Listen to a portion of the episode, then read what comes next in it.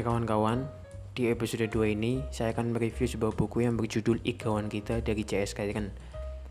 Buku ini diterbitkan pada bulan Mei tahun 2019 oleh PT Buku Kreatif Cipta yang memiliki tebal 185 halaman. Perlu diketahui, saya mendapatkan buku ini dari Google Play atau Google Play Book. Jadi penulis dan penerbit memberikan e-book gratisnya kepada kawan-kawan semua untuk bisa dinikmati.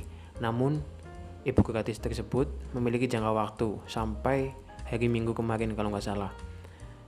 Jadi saya ucapkan terima kasih kepada penulis dan penerbit atas ibu gratisnya. Semoga menjadi berkah dan bisa dinikmati oleh kawan-kawan di rumah. Buku ini merupakan buku ke-9 dari J.S. Kairen. Menurut saya buku ini sangat menarik karena bentuk fisiknya yang berbeda dengan yang lain. Jadi di setiap tulisannya berbentuk tulisan mesin ketik dan juga tulisan tangan sendiri dari penulis. Buku ini bukan novel, namun berisikan potongan-potongan pemikiran dan perasaan. Sesuai dengan judul buku ini, Igawan Kita. Kita diajak bersama untuk mengigau oleh sang jenderal kata-kata. Mulai dari hal keluarga, persahabatan, romansa-romansa percintaan, sosial, dan juga ada puisi di dalamnya. Sesekali saat saya membaca, saya merasa, wah, aku banget nih.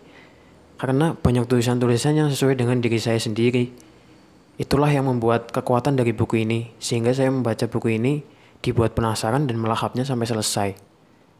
Menurut saya, buku ini sangat cocok buat kawan-kawan yang sedang sedih, galau, berharap, berjuang, ataupun sedang menunggu.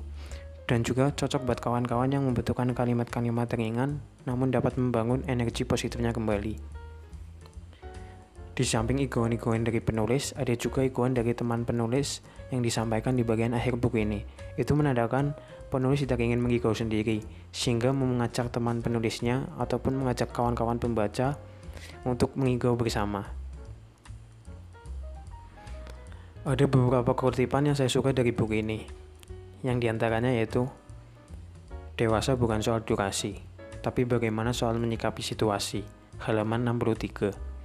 Lalu ada segala sesuatu yang dilihat terlalu dekat akan kehilangan pesonanya, oleh sebab itu, rasa penasaran tidak selalu berakhir bahagia ketika dipuaskan. Halaman 50. Dan yang terakhir, pesan buat kawan-kawanku semua untuk senantiasa menjaga kesehatan dan juga jangan lupa ingatkan kepada keluarga, tetangga, sanak saudara untuk tidak panik dengan keadaan Indonesia seperti ini. Dan juga ingatkan untuk tetap stay saja di rumah.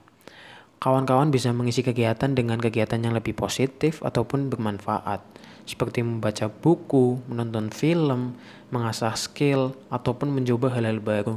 Dan juga jangan lupa kerjakan tugas-tugas dari sekolah ataupun kampus. Semoga negeri ini semakin membaik dan dapat berjalan seperti biasanya. Stay safe kawan-kawanku.